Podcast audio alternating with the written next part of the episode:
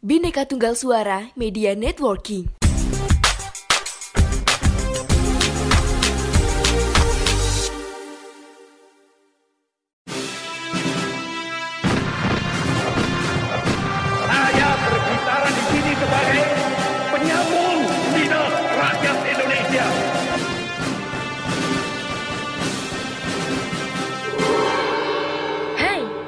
Terima kasih sudah memilih mendengarkan kami, Poseidon, podcast yang bikin kalian gagal move on. Halo teman-teman, berikutnya pembahasan bagian dari sejak kita membahas kerajaan Sunda Galuh ya. Kita juga membahas tentang kerajaan Sunda dalam bingkai Prahayan Sunda. Ya, ini seperti yang saya sampaikan bahwa kerajaan Sunda di wilayah Jawa Barat ini mulai menemukan titik terang sumber historisnya bisa kita runut dan menyebut dengan cukup pasti yaitu eh, bahwa di abad ke-11 kerajaan Sunda sudah muncul kembali dalam arena sejarah sebagai kelanjutan dari kerajaan lama yang sudah dirintis oleh kerajaan Galuh sebelumnya. Ya, tandanya dari apa? Tandanya adalah dari adanya prasasti Sang Yang Tapak dengan angka tahun 1030 ya atau bertarik 1030 memakai huruf dan bahasa Jawa kuno ditemukannya prasasti Sang Yang Tapak itu di tepi sungai Cicatih daerah Cibadak Sukabumi Jawa Barat.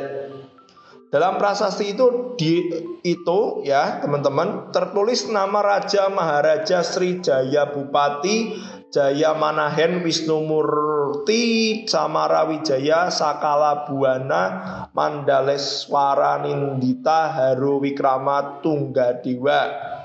Ya sangat panjang sekali namanya tapi kemudian kita singkat dengan sebutan Jaya Bupati dengan daerah kekuasaannya itu adalah di Prahayan Sunda. Dari prasasti Sang yang tapak ada beberapa hal yang menarik.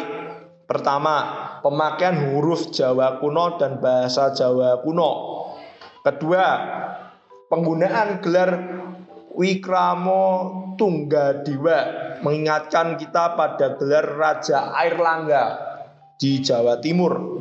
Dari kesamaan gelar itu diduga kuat ada hubungan antara Jawa Barat dan Jawa Timur. Hanya saja masalahnya adalah hubungannya bagaimana uh, kita masih terus kemudian menganalisis dan menginterpretasikannya. Jawa Barat ya diperkirakan merupakan bagian dari Jawa Timur atau bahkan Jawa Barat ini musuh dari Jawa Timur. Dan rupa-rupanya kemungkinan ya kedua hal ini mendekati kebenaran. Mengingat Jaya Bupati ini punya gelar juga Jaya Manahen yang berarti ia berhasil mengalahkan musuh besarnya. Akan tetapi mungkin juga antara Jawa Barat dengan Jawa Timur ada hubungan kebudayaan mengingat prasasti Sang Yang Tapak menggunakan huruf dan bahasa Jawa kuno. Maka ini masih uh, banyak misteri yang belum terpecahkan di sini.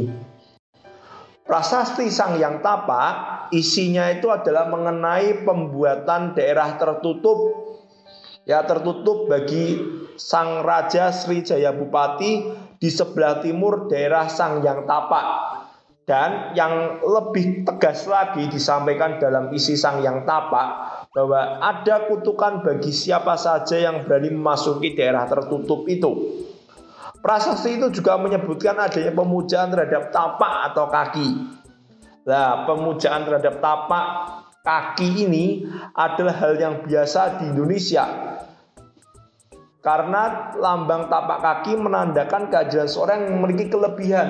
Sama seperti uh, tapak kaki manusia di salah satu prasastinya Kerajaan Tarumanegara dan telapak kaki gajah juga yang menunjukkan bahwa ini raja yang agung, raja yang kuat, raja yang berkuasa. apalagi kemudian dilambangkan dengan uh, kaki yang ukurannya cukup besar, laki dewasa begitu, ataupun dalam wujud iwan raksasa. Nah ini perlu juga untuk uh, ya kita pahami bersama ya. Kemudian dari gelar Jaya Bupati uh, yaitu Wisnu Murti dapat diduga juga bahwa agama ini yang dianut dalam uh, bingkai kerajaan Sunda atau Parahyan Sunda itu adalah ajaran agama Hindu beraliran Waisnawa atau pemuja Wisnu. Nah, hal ini sama dengan agama yang berkembang di Jawa Timur pada waktu itu yang benar-benar mengagungkan zaman pemerintahan Raja Erlangga yang dijuluki pula Erlangga itu adalah titisan Dewa Wisnu. Carita Parayangan tidak menyebut nama Jaya Bupati, tetapi menyebutkan raja pada waktu itu dengan nama Sang Rakyat Dharma Siksa. Dan rupa-rupanya juga Sang Rakyat Dharma Siksa sama dengan Jaya Bupati. Maka ini klop ya. Dan menurut carita Parayangan, Sang Rakyat Dharma Siksa adalah titisan Wisnu. Nah, lebih lengkap lagi nih teman-teman. Dan dalam hidupnya ia membuat beberapa daerah tertutup. Misalnya tertutup bagi perburuan. Nah, ini juga kita bisa analisis bahwa ya ada daerah-daerah yang kemudian harus diselamatkan dalam konteks ekologis juga, termasuk daerah-daerah larangan. Dan uh, ini cukup menarik ya teman-teman pembahasan mengenai kerajaan Sunda yang kemudian satu uh, bingkai besar dengan kerajaan Sunda. Kemudian teman-teman, di samping itu sang rakyat Dharma Siksa berhasil memerintah cukup lama ya berkat pendidik agama asli Sunda yaitu Sang Yang Dharma dan Sang Yang Siksa. Sedang Jaya Bupati sering menyebut dirinya Ajiri Sunda atau Raja Sunda. Sudah tegas bahwa ini adalah penguasa mutlak ya di situ ya.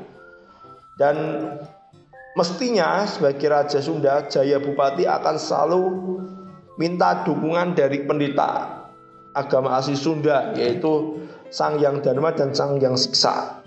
Pusat pemerintahan kerajaan Prahyang Sunda mula-mula di daerah Saunggalah kemudian dipindah ke Pakuan Pajajaran. Jadi sama seperti analisis kita di awal, perpindahan ibu kota itu sesuatu yang tidak bisa dipungkiri ketika kemudian daya dukung untuk mempertahankan uh, ibu kota, logistik, kebutuhan makan, pertahanan itu sudah tidak mendukung, maka perpindahan menjadi sesuatu yang mutlak ya.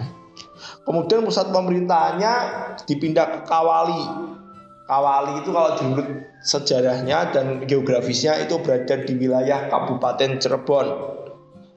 Dengan demikian, kerajaan Sunda kemudian berpindah tempat dan kita kenal dengan kerajaan uh, Kawali Sunda. Ya, begitu ya teman-teman.